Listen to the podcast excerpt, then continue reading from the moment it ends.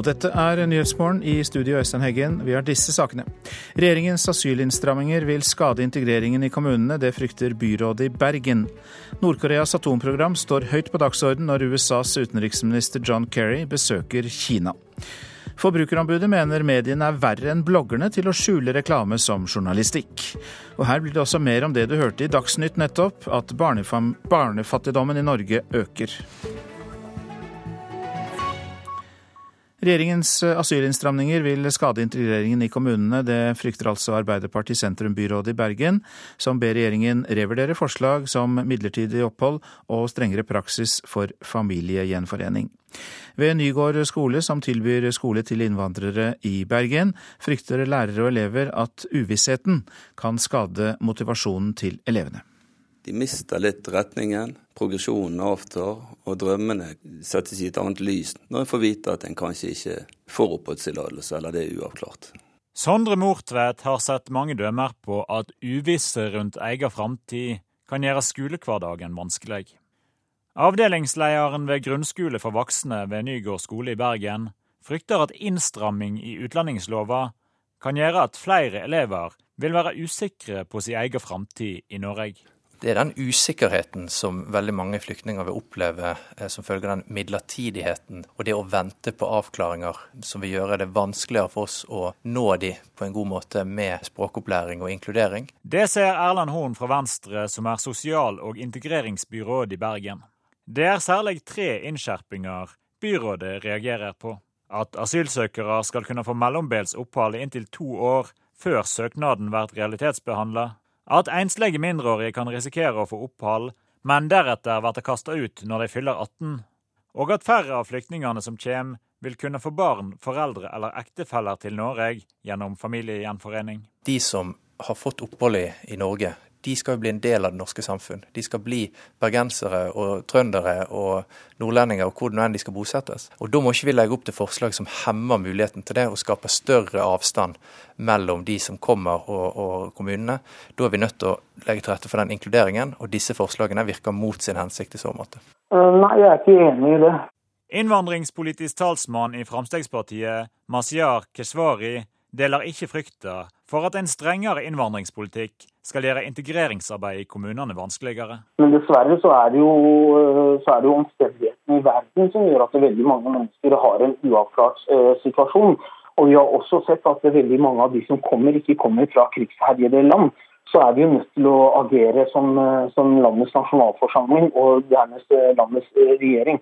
Vi kan ikke sitte og se på en sånn situasjon. Men kan dette bidra til at unge mennesker får satt livet sitt på vent? Ja, altså Det er jo eventuelt en vurdering de selv også er nødt til å ta før de legger ut på denne reisen, og deres foreldre. Det er jo egentlig ganske vanskelig når man venter på svar som kan bli både negativt og positivt. Elevrådsleder på Nygård skole, Amin Omar Abdul veit vet hva det er å oppleve uvisse om egen framtid. 19-åringen som har vært 20 måneder i Norge, forstår at regjeringa vil ha en streng innvandringspolitikk, men tror det er feil å skape uvisse blant de som skal prøve å være en del av det norske samfunnet. Vi er jo helt enige med dem, men at det påvirker måten man integrerer seg i samfunnet, det koster egentlig for både regjeringen og det norske samfunnet. Det bør ikke være sånn, mener jeg. Reporter her, Sølve Rydland. USAs utenriksminister John Kerry mener Kina må gå med på hardere sanksjoner mot Nord-Korea som følge av atomprøvesprengningen tidligere denne måneden. Kerry har i dag samtaler med Kinas utenriksminister Wang Yi i Beijing. Og Asia-korrespondent Peter Svaar, hvilke muligheter eh, har Kina til å presse Nord-Korea ja, De har alle muligheter hvis de vil. Og det Kerry ønsker seg, er bl.a. at Kina slutter å selge olje til Nord-Korea, som allerede sliter med en voldsom mangel på både strøm og energi. Kina er jo Nord-Koreas i realiteten nå eneste handelspartner. De står for over 90% av handelen med eh, omverdenen. Eh, samtidig så er Kina satt i en stor skvis av denne siste prøvesprengningen, hvor kineserne nå er mer bekymret for et økt amerikansk militærnærvær i Japan og Sør-Korea. Parlamentarikere i Seoul har luftet krav om at man også bør få atomvåpen i sør f.eks. Og i den økende rivaliseringen her i Asia mellom Kina og USA, så er det først og fremst en opprustning av USAs allierte som er en bekymring nå for Beijing, og som veier tyngre enn eh, bekymringene rundt Nord-Koreas atomprogram. Og så er Kina opptatt av et stabilt eh, Nord-Korea. Hvorfor er det så viktig? Dersom Kina struper Nord-Korea med reelle og strenge sanksjoner, så vet kineserne at det kan true stabiliteten til regimet. Det kan føre til en stor flyktningstrøm, en ustabil situasjon på grensen mellom Kina og Nord-Korea. Og skulle regimet i ytterste fall kollapse, så vil Kina risikere å ha et gjenforent amerikanskalliert Korea som nabo, med 30 000 amerikanske soldater. Så selv om Kina er svært uh, irritert over det nordkoreanske atomprogrammet nå og ønsker det avviklet, så har myndighetene myndighetene her ikke interesse av å nærmest sulte ut nordkoreanerne. og det, Der ligger også den begrensningen Kerry vil møte i samtalen i dag. At Kina kan gå med på noen symbolske skritt, men neppe sanksjoner som virkelig biter eh, mot regimet i Pyongyang. Og Midt oppi alle disse begrensningene du beskriver, hvilket budskap er det da Kerry har til kineserne? Ja, Han sa jo i et intervju rett etter denne siste atomprøvesprengningen for tre uker siden at Kinas tilnærming til Nord-Korea har feilet totalt, og at Kina nå må komme inn på et nytt spor. Det var uttalelser som kinesisk UD svarte med å kalle lite konstruktive. De forslagene Obama-administrasjonen har kommet med, å innstille flytrafikk mellom Beijing og Pyongyang f.eks., virker det lite trolig at Kina går med på, selv om man altså også her deler en kraftig irritasjon over disse prøvesprengningene og har et stadig kjøligere forhold til eh, Kim Jong-uns regime time. Og Så foreslo jo Sør-Koreas president før helgen å gjenoppta de såkalte seksnasjonssamtalene uten å ta med Nord-Korea. Kan det skje? Ja, Dette er jo et forslag som nå både Kina og USA de siste dagene har eh, støttet, å fortsette samtalene, eh, de såkalte seksnasjonerssamtalene som brøt sammen i 2009, men uten Nord-Korea som fem nasjoners eh, samtaler. Igjen så vil det jo bare være Kina som egentlig er i posisjon til å innføre meningsfulle sanksjoner mot regimet i nord, og der balanserer kineserne på ganske stram line. Og Russlands utenriksminister Sergej Lavrov sa også på den pressekonferansen Eriksen, som ble omtalt mye i Norge i Moskva i går, at Russland er motstander av dette forslaget og advarer mot å isolere Nord-Korea ytterligere. Så dersom man nå ikke får med seg engang de fem landene, men kanskje bare fire, så er det jo spørsmål om hvor mye diplomatisk eh, eh tyngde som vil være igjen i eh, en sånn konstellasjon. Peter Svaar fra Beijing, takk skal eh, du ha. Hjem igjen, og til det faktum at 92 000 barn her i landet lever i fattige familier. Det er tall fra Statistisk sentralbyrå som viser det. Og forskjellene mellom fattig og rik blir større og større. Det er noe av bakgrunnen for en konferanse i Bodø. Der skal 20 år gamle Maria snakke om hvordan det er å vokse opp i en fattig familie. Det er litt tabu å ha det vanskelig i verdens rikeste land. Hun har vokst opp på Helgeland i Nordland i en familie som levde under fattigdomsgrensa. De siste årene har Maria engasjert seg i ungt nettverk som drives av voksne for barn. Min oppvekst den var jo ikke alltid så enkel. Jeg forsto jo ganske, i ganske tidlig alder at jeg ikke kom til å ha råd til alt det de andre fikk. På fritida spilte Maria i korps. Det kosta bare 300 kroner i året. Håndball og fotball var for dyrt om hun skulle ha lyst til det. I ferien dro familien på biltur til slekta, mens mange i klassen reiste på dyr utenlandsferie. Jeg hadde jo hatt lyst til å dra til utlandet, òg. På sydenferie og oppleve andre kulturer og sånt, som enkelte hadde. Ja, jeg håper så mange som mulig kommer, og jeg håper det kommer mange politikere. Fordi... Anne Breivik er leder i organisasjonen Voksne for barn i Salten. Sammen med Batteriet i Kirkens Bymisjon og Bamse B arrangerer de konferansen Penger eller livet.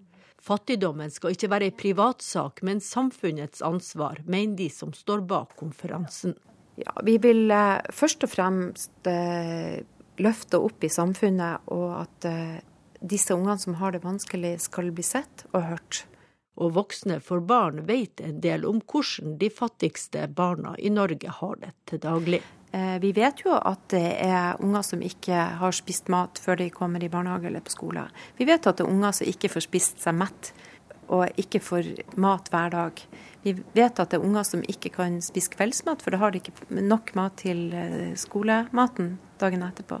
Vi vet at det er unger som ikke har nok klær, som fryser.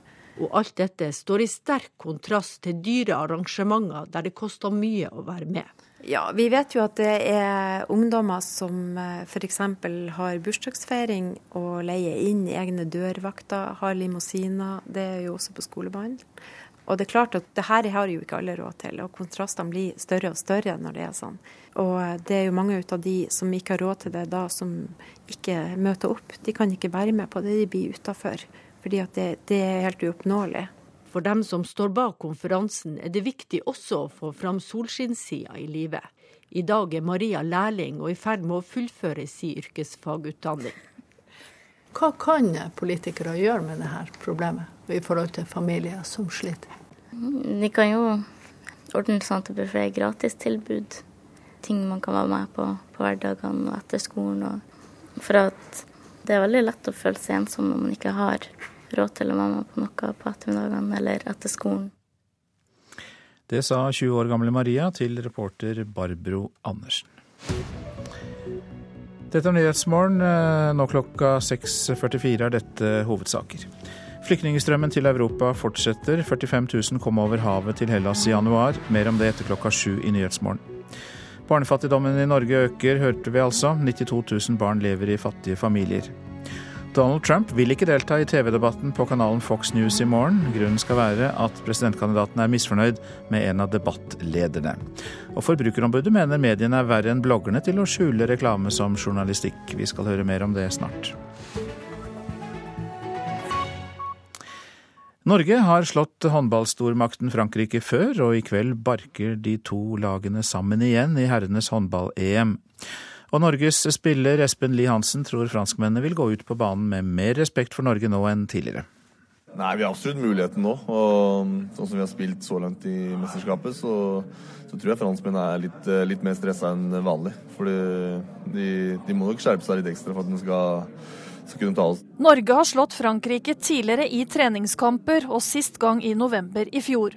Den gang manglet flere av de store franske stjernene. Likevel, alt er mulig, ifølge NRKs håndballekspert Håvard Tveten. Norge er nok ikke der fysisk at de, de kan eh, slå de sånn eh, på fysikken, men eh, med ungt pågangsmot og med den driven og den bølga de har vært på nå, så, så, er det muligheter for, eh, for de norske gutta. Bjarte Myrhol, som er for veteran å regne på det norske laget, mener Norge har den selvtilliten som trengs før storoppgjøret. Det er en voldsom oppgave vi har foran oss, men eh, vi, vi frykter ingen. Og, og vet det at eh, vårt toppnivå det er veldig, veldig høyt. så det vi gleder oss rett og slett til oppgaven. At franskmennene har fått større respekt for Norge, bekrefter en av de store stjernene, Daniel Narciss, som mener det norske laget er mye bedre nå enn før jul. They are better than uh, we play them uh, in uh, before Christmas. Before Christmas uh, they play very good, but uh, when you see the the, the tournament, I think they are uh, much better and they do a very good job.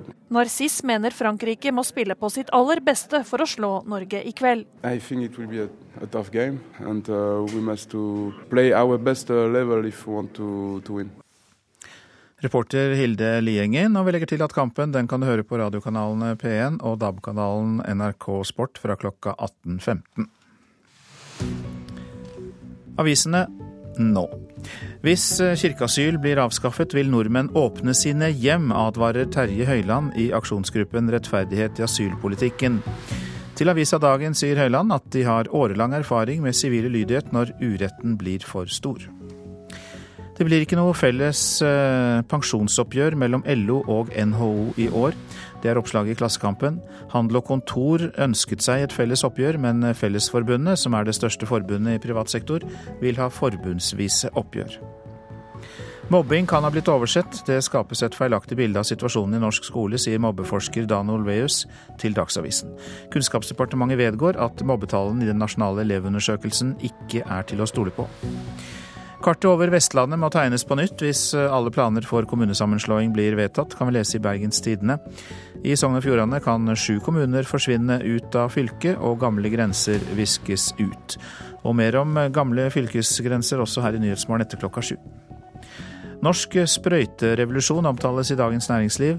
En ny oppfinnelse gjør det mulig å koble av sprøytespisser bare med et klikk. Og det er ikke lenger nødvendig å skru nålen av. Og dermed reduseres risikoen for å forurense spissen eller stikke seg. Gud er på retur i USA, men ikke i valgkampen, er oppslaget i Vårt Land. Under presidentvalgkampen må kandidaten ha tro for å få politisk tillit. En ateistleder konstaterer overfor avisa at mange amerikanere ikke stoler på ikke-troende politikere. Aftenposten forteller hvem som rammes hardest av ny teknologi når robotene kommer. Varehandelen, mediebransjen, bank og forsikring er blant de bransjer som i løpet av få år blir mest berørt av endringene. Og hvordan deleøkonomien kan ramme oss, er tema i Dagbladet. LO-sekretær Trude Tindlund mener den legger til rette for svart arbeid, pulveriserer arbeidsgiveransvaret, og at profitt blir det viktigste. Seks år gamle Emil Granheim fra Trondheim ble familiens store helt, skriver Adresseavisen. Da det begynte å brenne i motorvarmeren og bilen ble fylt med røyk, reddet den snarrådige storebroren ut søsknene Oskar og Anne på tre og ett år. Dramaet som endte godt, skjedde da barna satt i bilen og ventet på å bli kjørt til skole og barnehage. Fra nå av kan det bli dyrt å glemme timen hos frisøren. En 13 år gammel jente fra Kristiansand fikk nemlig ettersendt en regning på 1400 kroner fordi hun ikke møtte opp til timen. Eirik Nyberg i Forbrukerrådet bekrefter at dette er en praksis folk bare må godta. Ja, hvis det er opplyst eh, tydelig om. For tross alt frisøren driver butikk og booker og setter tid til eh, kunden. og Hvis man da ikke møter opp uten å ha en eventuelt gyldig grunn, det kan jo bare tenkes tilfeller med sykdom og lignende som kanskje kan defineres som gyldig. Hvis man da ikke møter opp, så er gebyr helt OK hvis det er blitt opplyst. Men i dette tilfellet hadde frisørsalongen i Kristiansand, som tilhører kjeden Hår1, ikke opplyst på sine hjemmesider om at det ville komme et gebyr dersom kunden ikke møtte til timen.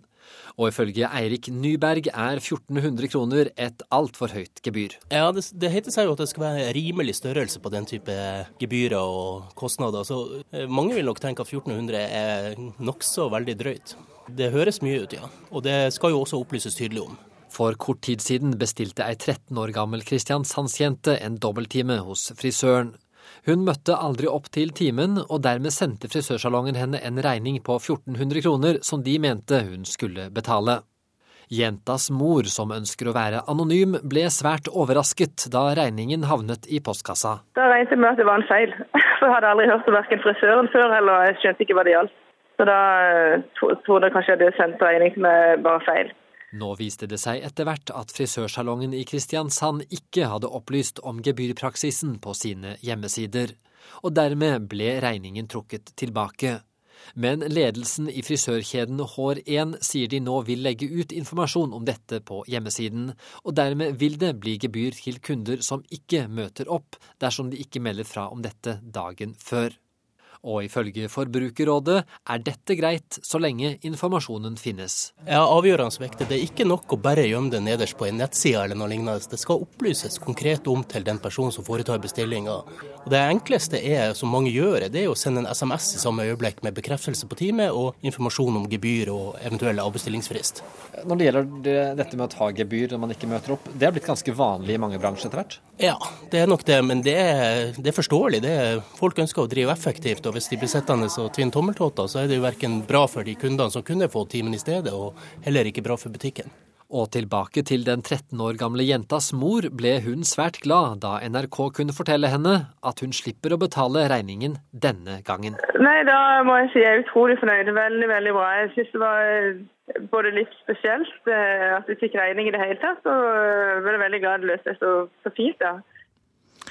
Reportasjen var laget av Yngve Stiansen. Forbrukerombudet vil vri oppmerksomheten bort fra bloggerne og rette den mot mediene. For hun mener nemlig de er verre enn bloggerne til å benytte seg av skjult reklame, såkalt innholdsmarkedsføring, forkledd som journalistikk. De fleste mediehusene nå har fått egne content marketing-avdelinger. Og det som ser ut som utfordringa, at ikke de har tatt inn over seg at de nå lever under et regime som gjelder for reklamebransjen. Det betyr at markedsføringsloven kommer inn i bildet. Det sier forbrukerombud Gry Nergård. Innholdsmarkedsføring i media vil være helt i toppen på prioriteringslista hennes i året som kommer. Mediehusene er jo enda i en spede begynnelse på det her, og, og, har kanskje litt eh, større problemer, noen av de i hvert fall foreløpig, med, med å skjønne hvordan de skal gjøre det. Den siste tida har skjult reklame i blogger fått mye oppmerksomhet, og i fjor førte de tilsyn med 40 bloggere. I år står media for tur. Så man kan vel si at eh, noen medier foreløpig er dårligere enn noen bloggere. Ja, vi har nok sett en del eksempler som vi ville ha tatt opp etter eh, loven. Flere enn det som har blitt tatt opp i PFU? Eh, ja, jeg må nok si det. Jeg er kanskje litt overrasket over det. Sier Kjersti Løken Stavrum, leder i Norsk Presseforbund.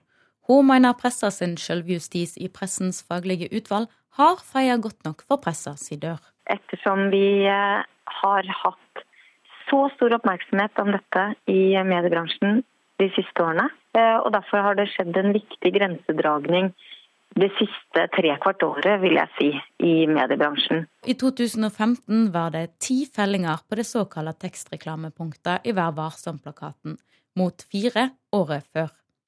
Forrige uke ble VG felt i PFU for å ha blanda korta.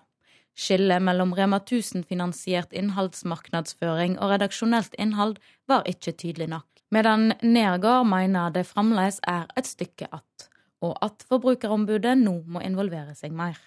I den grad enkelte bransjer klarer å holde orden i eget hus, så syns jo vi det er bra. Eh, så får vi jo se om vi også skal hjelpe dem å rydde litt eh, det siste som er igjen. Forbrukerombud Gry Nergård til reporter Maria Pile Svåsand. Bibliotekene skal være mer enn et sted du låner bøker. Det er slagordet for Norges første bibliotekfestival. I dag samles over 200 bibliotekarer i Gjøvik. Å markedsføre biblioteket bedre for hva det faktisk kan være. Da. Så da kom ideen om en festival. De er som de to gode naboer, fylkesbibliotekarene på hver sin side av Mjøsa. Kreative og fulle av ideer. Forskjellen er at de ser ut til å lykkes med sine planer og samle Bibliotek-Norge til festival. Og nå er det faktisk fullbooket.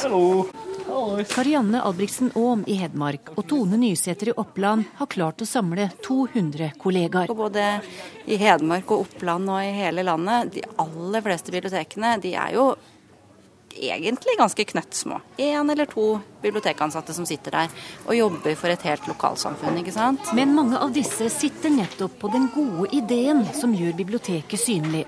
Og alle disse ideene må deles, mener de to fylkesbibliotekarene. Målet med denne festivalen er jo rett og slett at alle deltakerne skal reise hjem med nye ideer til å utvikle biblioteket sitt videre. Langveisfra kommer òg en inspirasjonskilde. So Scott Bonner fra Ferguson i USA. Raseopptøyene i hjembyen hans høsten 2014 førte til unntakstilstand. Alt offentlig liv stengte, og flere bygninger ble rasert. Men han valgte å holde biblioteket åpent.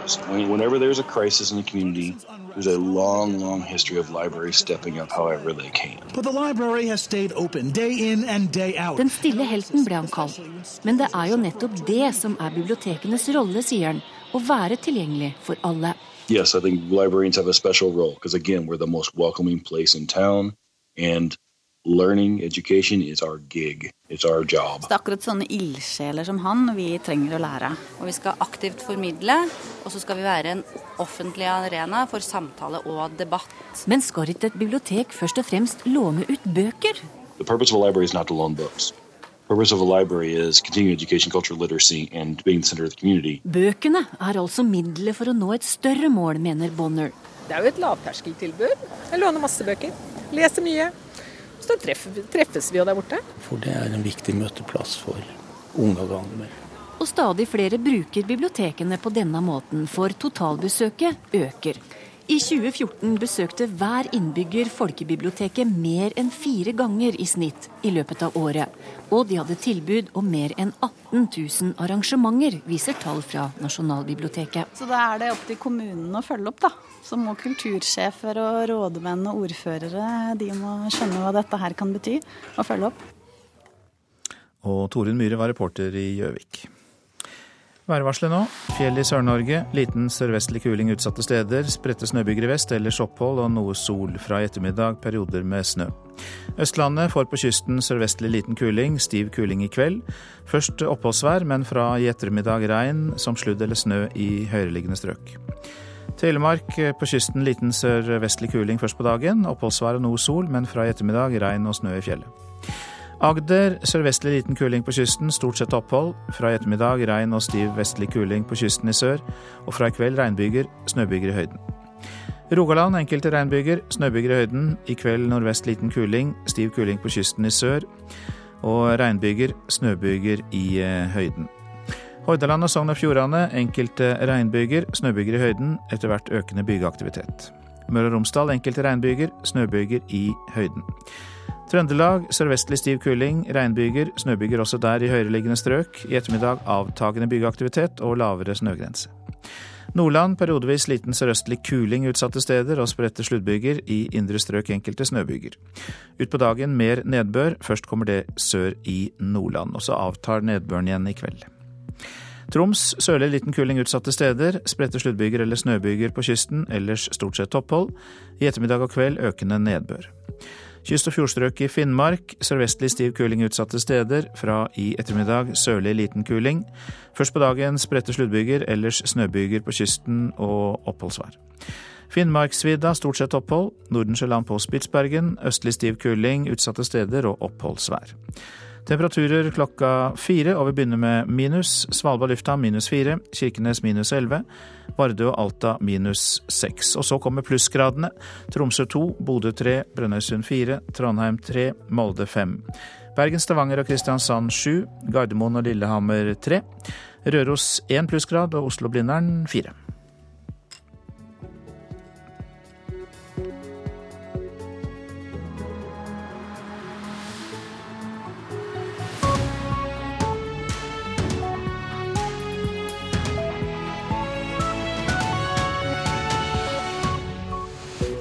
Og Nyhetsmorgen fortsetter med mer fra debatten om solidaritet med flyktningene mellom Martin Kolberg og FrPs Harald T. Nesvik, som vi hørte et glimt fra i Dagsnytt. Og flyktningstrømmen til Europa fortsetter, mens europeiske politikere diskuterer hvordan de skal håndtere de som allerede er kommet. 80% færre kvinner steriliserer seg etter at egenandelen økte fra 268 kroner til 6000 kroner, og Kystvakta står fortsatt uten helikopter, har seilt uten helikoptre i ett år. Ja, Fremskrittspartiet mangler solidaritet med mennesker på flukt. Det mener altså Arbeiderpartiets Martin Kolberg. Han mener regjeringspartiet stigmatiserer innvandrere og fremstiller dem som en trussel mot velferdsstaten. Helt siden Carl I. Hagens tid så har jo flyktninger og innvandring blitt brukt som et springbrett for å karakterisere dem som et problem for Norge og en trussel mot velferdsstaten. Det er en karakteristikk av en situasjon som er det motsatte av hva man burde tenke i norsk politikk, nemlig hvordan skal vi håndtere dette på humanistisk grunnlag. Harald Tom Nesvik, parlamentarisk leder i Fremskrittspartiet, karakteriserer utspillet fra Martin Kolberg som trist. For Fremskrittspartiet så er dette et svært viktig felt. Hvis eh, vi ikke klarer å skille mellom dem som har behov for beskyttelse, og dem som ikke har behov for beskyttelse, og iverksette tiltak der, ja da mister hele asylinstituttet sin berettigelse. Og det regner jeg med også Martin Kolberg ikke er ute etter. Kolberg mener Fremskrittspartiet fokuserer altfor mye på dem som ikke har krav på opphold, og som alle er enige om skal ut, og ikke snakker nok om dem som trenger beskyttelse og trenger å bli integrert. Og det, dette er typisk typisk måten til Fremskrittspartiet å snakke, med, snakke på, slik som vi hører Nesvik nå. Han er deres parlamentariske leder. Hør. Han snakker om de som vi er enige om ikke skal være i Norge. Det er de han snakker om. Jeg snakker om de som har krav på å få være i Norge. Og hva har vi opplevd i dag når vi snakker om en avstand i verdier? Hans representant i Stortinget, Keshvari, har sagt det er greit at vi nå skal begynne å frata flyktningene smykker og verdier. Det vil jeg kalle for en politisk skam. Kolberg sikter til den kontroversielle smykkeloven som er innført i Danmark. Ifølge Nesvik har ikke Frp tatt stilling til om de vil ha det samme lovverket også i Norge. Han vil heller snakke om det han mener er vingling fra Arbeiderpartiets side. Det er derfor jeg spør, stiller spørsmålet. Vel, hva er det som egentlig er Arbeiderpartiets posisjon? Og da på toppen av det, når jeg etterspør det, ja da er det altså Martin Kolberg som kommer her ut og svarer sikkert på Jeg vet ikke om det er på vegne av Jonas Gahr Støre. Jonas Gahr Støre bare ikke har et svar. Eh, og lager en kronikk som er så hinsides når det gjelder anklager overfor andre. Jeg syns heller man kan svare på hva er Arbeiderpartiet sitt virkelige standpunkt. For det første registrerer vi da at han ikke svarer på dette med, som Keshvari da har sagt. Og det er typisk. Han smitter unna det. Han vil ikke svare på det. Han lar det bare ligge. Jeg bare registrerer det. Han har ikke behandla det ennå, sier han jo. Eh, nei, ja, men det er lettvint å si. Dette er et moralsk spørsmål. og Han har kunnet en god sjanse til å si nei, det der vil ikke Fremskrittspartiet. Det er å gå for langt og frata folk smykkene sine. Men det vil han altså ikke si. Det registrerer jeg. Så når det gjelder dette som er Arbeiderpartiets politikk, så vil jeg bare si følgende. Og det er at Arbeiderpartiet er i likhet med Fremskrittspartiet veldig opptatt av kontroll med grensene, kontroll med innvandringen. Derfor sto vi bak de forlikene. Og vi står fortsatt bak de. Men det er måten man håndterer integreringsspørsmålene på, og man, hvordan man karakteriserer flyktningene på, som jeg angrepet i denne kronikken. Og jeg står ved hvert eneste ord. Reporter var Siv Sandvik. Hittil i år har det kommet over 45 000 mennesker på flukt over havet til Hellas. Det er langt flere enn i januar i fjor, viser tall fra Den internasjonale organisasjonen for migrasjon. I hele fjor kom det ca. 1 million flyktninger til Europa. Et lite barn blir pakka inn i folie så kroppen skal bli varm igjen. Medan politikerne i Europa diskuterer, holder strømmen av flyktninger som kommer til Europa fram. Til nå i år har 45 361 migranter og flyktninger kommet til Hellas, viser tall fra den internasjonale organisasjonen for migrasjon. Selv om gradestokken viser to grader og det er iskaldt, så kommer båtene. Sier Maria Vodensis Sagen. Hun er på Lesvos i Hellas for å hjelpe de som kommer dit. Hun forteller at det kommer færre enn i høst, men at det kommer mellom 10 og 20 båter til nordsida av den greske øya der hun er. Og Det er så vondt å se når man står og tar imot på stranden. Etter de har summet seg og roet seg ned, så er de jo veldig glade over at de har overlevd eh, ferden over. Eh, og da er det vondt å vite hva som møter dem videre oppover i Europa. Eh, og vi står der og prøver å gjøre det beste for dem for en liten periode, men vi vet jo hva som komme videre, og det er vondt. Det er vanskelig å si hvordan resten av året blir, sier Pål Nesse, seniorrådgiver i Flyktninghjelpen. Men vi må være forberedt på like mange, og kanskje flere som i fjor. Han etterlyser et bedre samarbeid mellom landene i Europa. Som gjør at flyktninger ikke blir kasteballer om de enkelte land, og heller ikke at det ene landet etter det andre, sånn som vi nå prøver, innfører grensekontroll. Og reporter, det var Reirin Årdal. Regjeringens asylinnstramminger vil skade integreringen i kommunene. Det frykter Arbeiderparti sentrumbyrådet i Bergen, som nå ber regjeringen revurdere forslag som midlertidig opphold og strengere praksis for familiegjenforening. Ved Nygård skole, som tilbyr skole til innvandrere i Bergen, frykter lærere og elever at uvissheten kan skade motivasjonen til elevene. De mister litt retningen, progresjonen avtar, og drømmene settes i et annet lys når en får vite at en kanskje ikke får oppholdstillatelse, eller det er uavklart. Sondre Mortvedt har sett mange dømmer på at uvisse rundt egen framtid kan gjøre skolehverdagen vanskelig. Avdelingslederen ved grunnskole for voksne ved Nygård skole i Bergen frykter at innstramming i utlendingslova kan gjøre at flere elever vil være usikre på sin egen framtid i Norge. Det er den usikkerheten som veldig mange flyktninger vil oppleve eh, som følge av den midlertidigheten og det å vente på avklaringer som vil gjøre det vanskeligere for oss å nå de på en god måte med språkopplæring og inkludering. Det ser Erland Horn fra Venstre, som er sosial- og integreringsbyråd i Bergen. Det er særlig tre innskjerpinger byrådet reagerer på. At asylsøkere skal kunne få mellombels opphold i inntil to år før søknaden blir realitetsbehandla at enslige mindreårige kan risikere å få opphold, men deretter bli kasta ut når de fyller 18.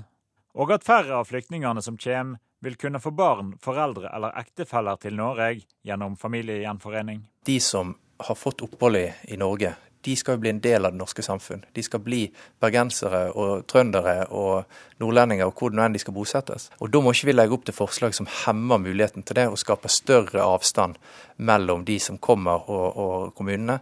Da er vi nødt til å legge til rette for den inkluderingen, og disse forslagene virker mot sin hensikt i så måte. Eh, nei, jeg er ikke enig i det.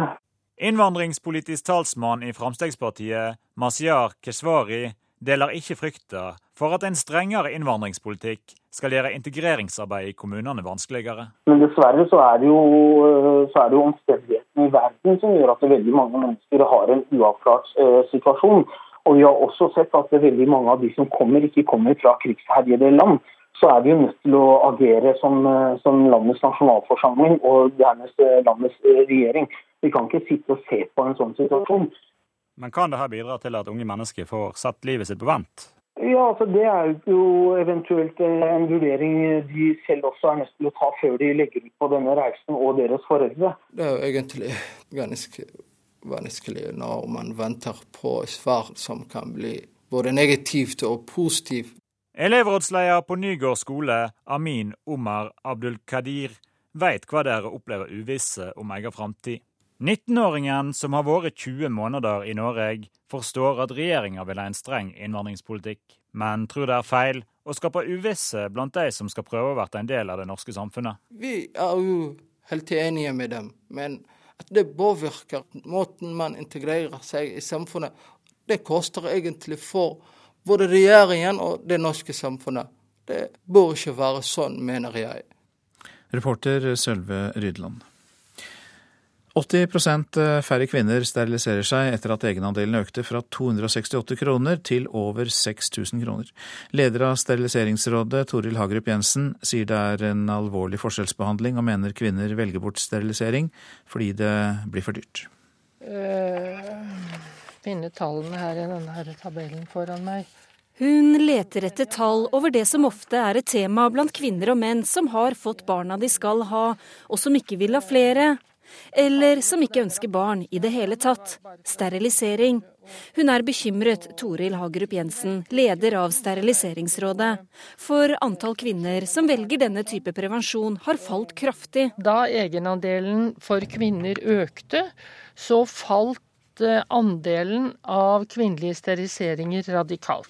I 2002 kostet det 268 kroner for en kvinne å sterilisere seg. Over 5000 kvinner gjennomførte dette. Så besluttet Stortinget at egenandelen skulle øke til over 6000 kroner. I årene etter har antall steriliseringer blant kvinner falt med 80% sier Hagerup Jensen. Jeg syns jo det er en alvorlig forskjellsbehandling når det er avhengig av din økonomi hvorvidt du kan ha råd til å la deg sterilisere eller ei. For menn kostet det i 2002 218 kroner, i dag litt over 1200 kroner. Hagerup Jensen er også leder av abortnemnda. Der har vi opplevd eh, klienter, som, eller kvinner, som har gitt uttrykk for at de gjerne skulle latt seg sterilisere, men de har ikke hatt penger til det. Er det et viktig inngrep som offentlige bør betale? Jeg tenker at det er viktig fordi at uønskede svangerskap er jo noe som det offentlige har en sterk satsing mot. I første omgang nå så har vi avtalt et møte med departementet for å diskutere hvordan vi kan behandle saken. Sier avdelingsdirektør i Helsedirektoratet Torunn Janbu. Det er jo en tydelig sammenheng med at når egenandelen blir så stor, så går antall steriliseringer eh, for kvinner ned. Men blir det en forskjellsbehandling når det avhenger av økonomi, hvorvidt man kan gjennomføre det? Som sagt så har vi fått en henvendelsen fra rådet, og det er vi nå i gang med å se på hvordan vi skal jobbe videre med. Reporter Ellen Omland. Klokka er snart 8.45. Dette er hovedsaker i Nyhetsmorgen. Fremskrittspartiet mangler solidaritet med mennesker på flukt. Det hevder Arbeiderpartiets Martin Kolberg. Trist av Kolberg å si det, svarer FrPs Harald T. Nesvik. Flyktningstrømmen til Europa fortsetter, mens europeiske politikere diskuterer hvordan de skal håndtere de som allerede er kommet. 80 færre kvinner steriliserer seg, hørte vi nettopp, etter at egenandelen økte fra 268 kroner til over 6000 kroner. Og Kystvakta står fortsatt uten helikopter. Skipene har vært uten helikopter på dekk i ett år. Mer om det snart. Men først om at Donald Trump ikke vil delta i en planlagt TV-debatt mellom de republikanske presidentkandidatene i USA. Det er den som skal sendes på Fox News i morgen. Og Grunnen er at journalisten Megan Kelly er en av debattlederne. Tidligere USA-korrespondent Wenche Eriksen, hvorfor i all verden er Trump så misfornøyd med henne? Kanskje fordi hun er en tøff journalist som stiller de vanskelige spørsmålene som han ikke svarer på, eller fordi hun konfronterer han med uttalelsene han har kommet med før. Um, historien deres går tilbake til august i fjor, den første republikanske debatten, hvor hun bl.a. konfronterte han med uttalelser om at han hadde omtalt kvinner som feite griser osv. osv. Og eh, han sa etter debatten at han følte seg veldig urettferdig behandlet, og antydet da at eh, hun hadde vært så vrien fordi hun hadde mensen. Og det eh, vakte mye reaksjoner i USA. Nå blir hun da debattleder på torsdag, og Trump har sagt nei, hvis hun er det, så hun er nettvekter, henne ville ikke jeg ha noe med å gjøre. Så hva går han i så fall glipp av? Hvor viktig er den debatten? Den er viktig, fordi 1.2 eh, er da det første eh, nominasjonsvalget i denne presidentvalgkampen i Iowa. Og dette er den siste republikanske debatten. Og vi vet jo at velgere venter ofte til eh, en av de siste dagene før de bestemmer seg for hvem de skal stemme på. Eh, nå er nominasjonsvalget da i dette tilfellet bare blant republikanere. Eh, det er de eh, Trump prøver å appellere til nå. Og er, er han ikke der på torsdag kveld, natt til fredag vår tid, så kan han altså Han leder veldig godt nå, men det kan jo bety noe for um, oppslutningen hans. Og så gir det også motstanderne anledning til virkelig å gå løs på han uten at han svarer på de anklagene de eventuelt kommer med. Hvilke reaksjoner er kommet på da, at eh, Trump ønsker å bestemme hvem et TV-selskap skal bruke som programledere? Ja, Fox News sier at de uh, står fullt og helt uh, bak sin programleder Meghan Kelly, og at Trump er, kan ikke velge hvilke journalister som skal stille han spørsmål. Men også uh, både Jeb Bush og Ted Cruz har vært ute og kritisert denne beslutningen. Ted Cruz sier bl.a. at dette viser at Trump ikke har noe respekt for folk som skal ut og, og på lokale partimøter 1.2 eh, i Iowa. Og så sier han hvis ikke Trump en gang tør møte Meghan Kelly, hvordan skal han i all verden møte Vladimir Putin hvis han skulle bli president? Tror du dette er et eh, blaff, eller tror du at dette kan få virkning innover i valgkampen? Det er et godt spørsmål, for det er ingenting som har vært forutsigbart med denne valgkampen i USA. Som sagt, han leder med stor margin. Eh, alle går bare og venter på at han gjør et eller annet som gjør at oppslutningen faller. Om det er dette, eller om det er noe seinere, eller om det ikke kommer til å skje i det hele tatt, det er det ingen som vet. Tidligere USA-korrespondent var hos oss i studio. Wenche Eriksen, takk skal du ha. Vi fortsetter med USA, dvs. Si utenriksminister John Kerry som eh, er i Kina og mener at landet må gå til hardere sanksjoner mot Nord-Korea som følge av atomprøvesprengningene tidligere denne måneden. Kerry har i dag hatt samtaler med Kinas utenriksminister Wang Yi i Beijing. Og Kina er under et stadig større press, det sier Asia-korrespondent Peter Svaar. Og Det Kerry ønsker seg, er bl.a. at Kina slutter å selge olje til Nord-Korea, som allerede sliter med en voldsom mangel på både strøm og energi. Kina er jo Nord-Koreas i realiteten nå eneste handelspartner. De står for over 90% av handelen med eh, omverdenen. Eh, samtidig så er Kina satt i en stor skvis av denne siste prøvesprengningen, hvor kineserne nå er mer bekymret for et økt amerikansk militærnærvær i Japan og Sør-Korea. Parlamentarikere i Seoul har luftet krav om at man også bør få atomvåpen i sør f.eks. Og i den økende rivaliseringen her i Asia mellom Kina og USA, så er det først og fremst en opprustning av USAs allierte som er en bekymring nå for Beijing, og som veier tyngre enn eh, bekymringene rundt Nord-Koreas atomprogram. Og så er Kina opptatt av et stabilt eh, Nord-Korea. Hvorfor er det så viktig?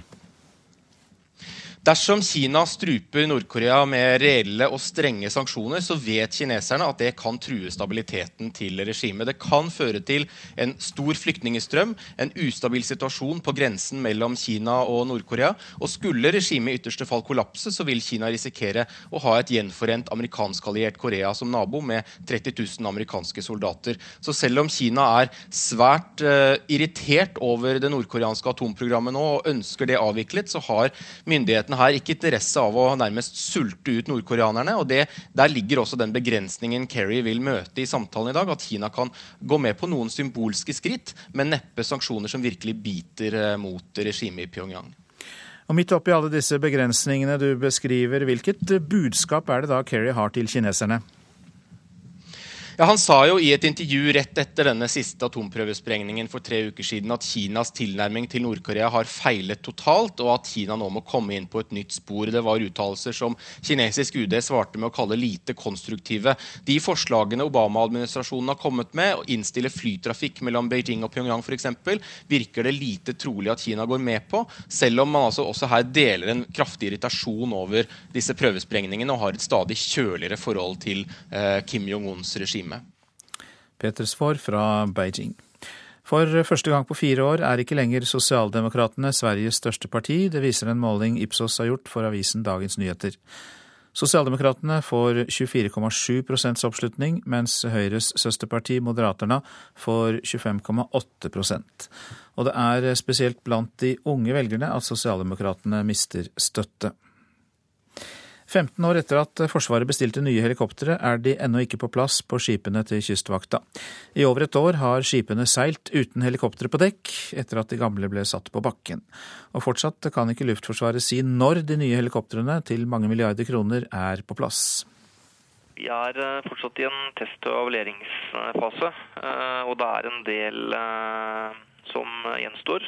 Før de er operative, så det vil være for tidlig å si, eh, men vi eh, ønsker eh, at vi allerede i år skal være til stede på et av kystvaktfortellene. Det sier kommunikasjonssjef i Luftforsvaret Stian Roen. I 2001 bestilte det norske forsvaret 14 stykk NH90-helikoptre.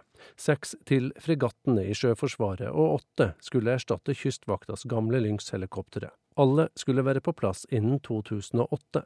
Men sein og mangelfull leveranse fra fabrikken samt innkjøringsproblemer har blitt en gjenganger for Luftforsvaret. Klart eh, Dette har tatt uh, lengre tid uh, enn forventa.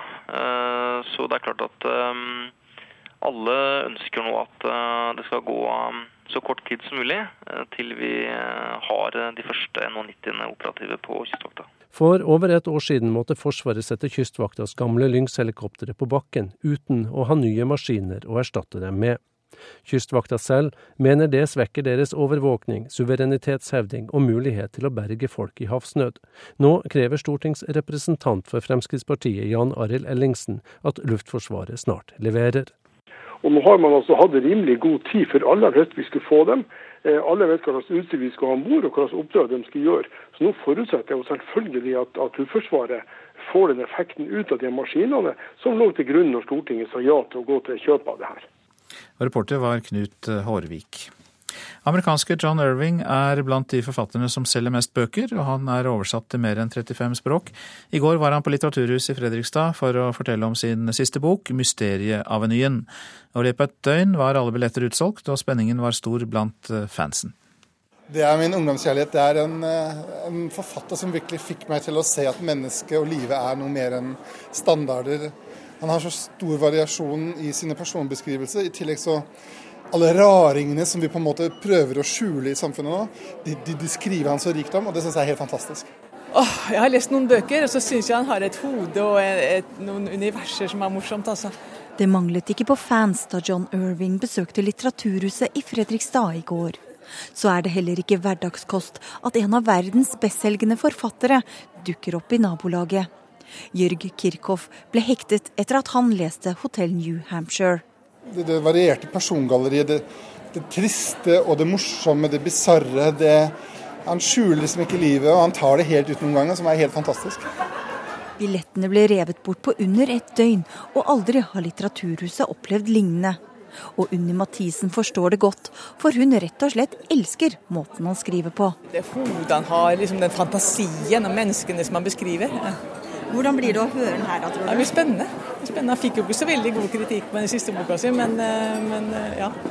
Han begynner jo å bli en mann som drar seg oppover i alder òg. Han har jo vært veldig sprek, da.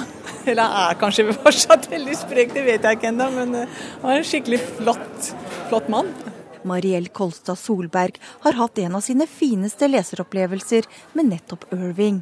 Du, vet du hva? Det er mange år siden eh, jeg leste bøkene hans. Men eh, eh, jeg sitter igjen med en sånn følelse av at de, den opplevelsen var veldig god. Og jeg husker liksom når jeg lukka igjen boka at åh, gud for en bok, liksom. Og endelig er han på scenen, og møter selvsagt av trampeklapp.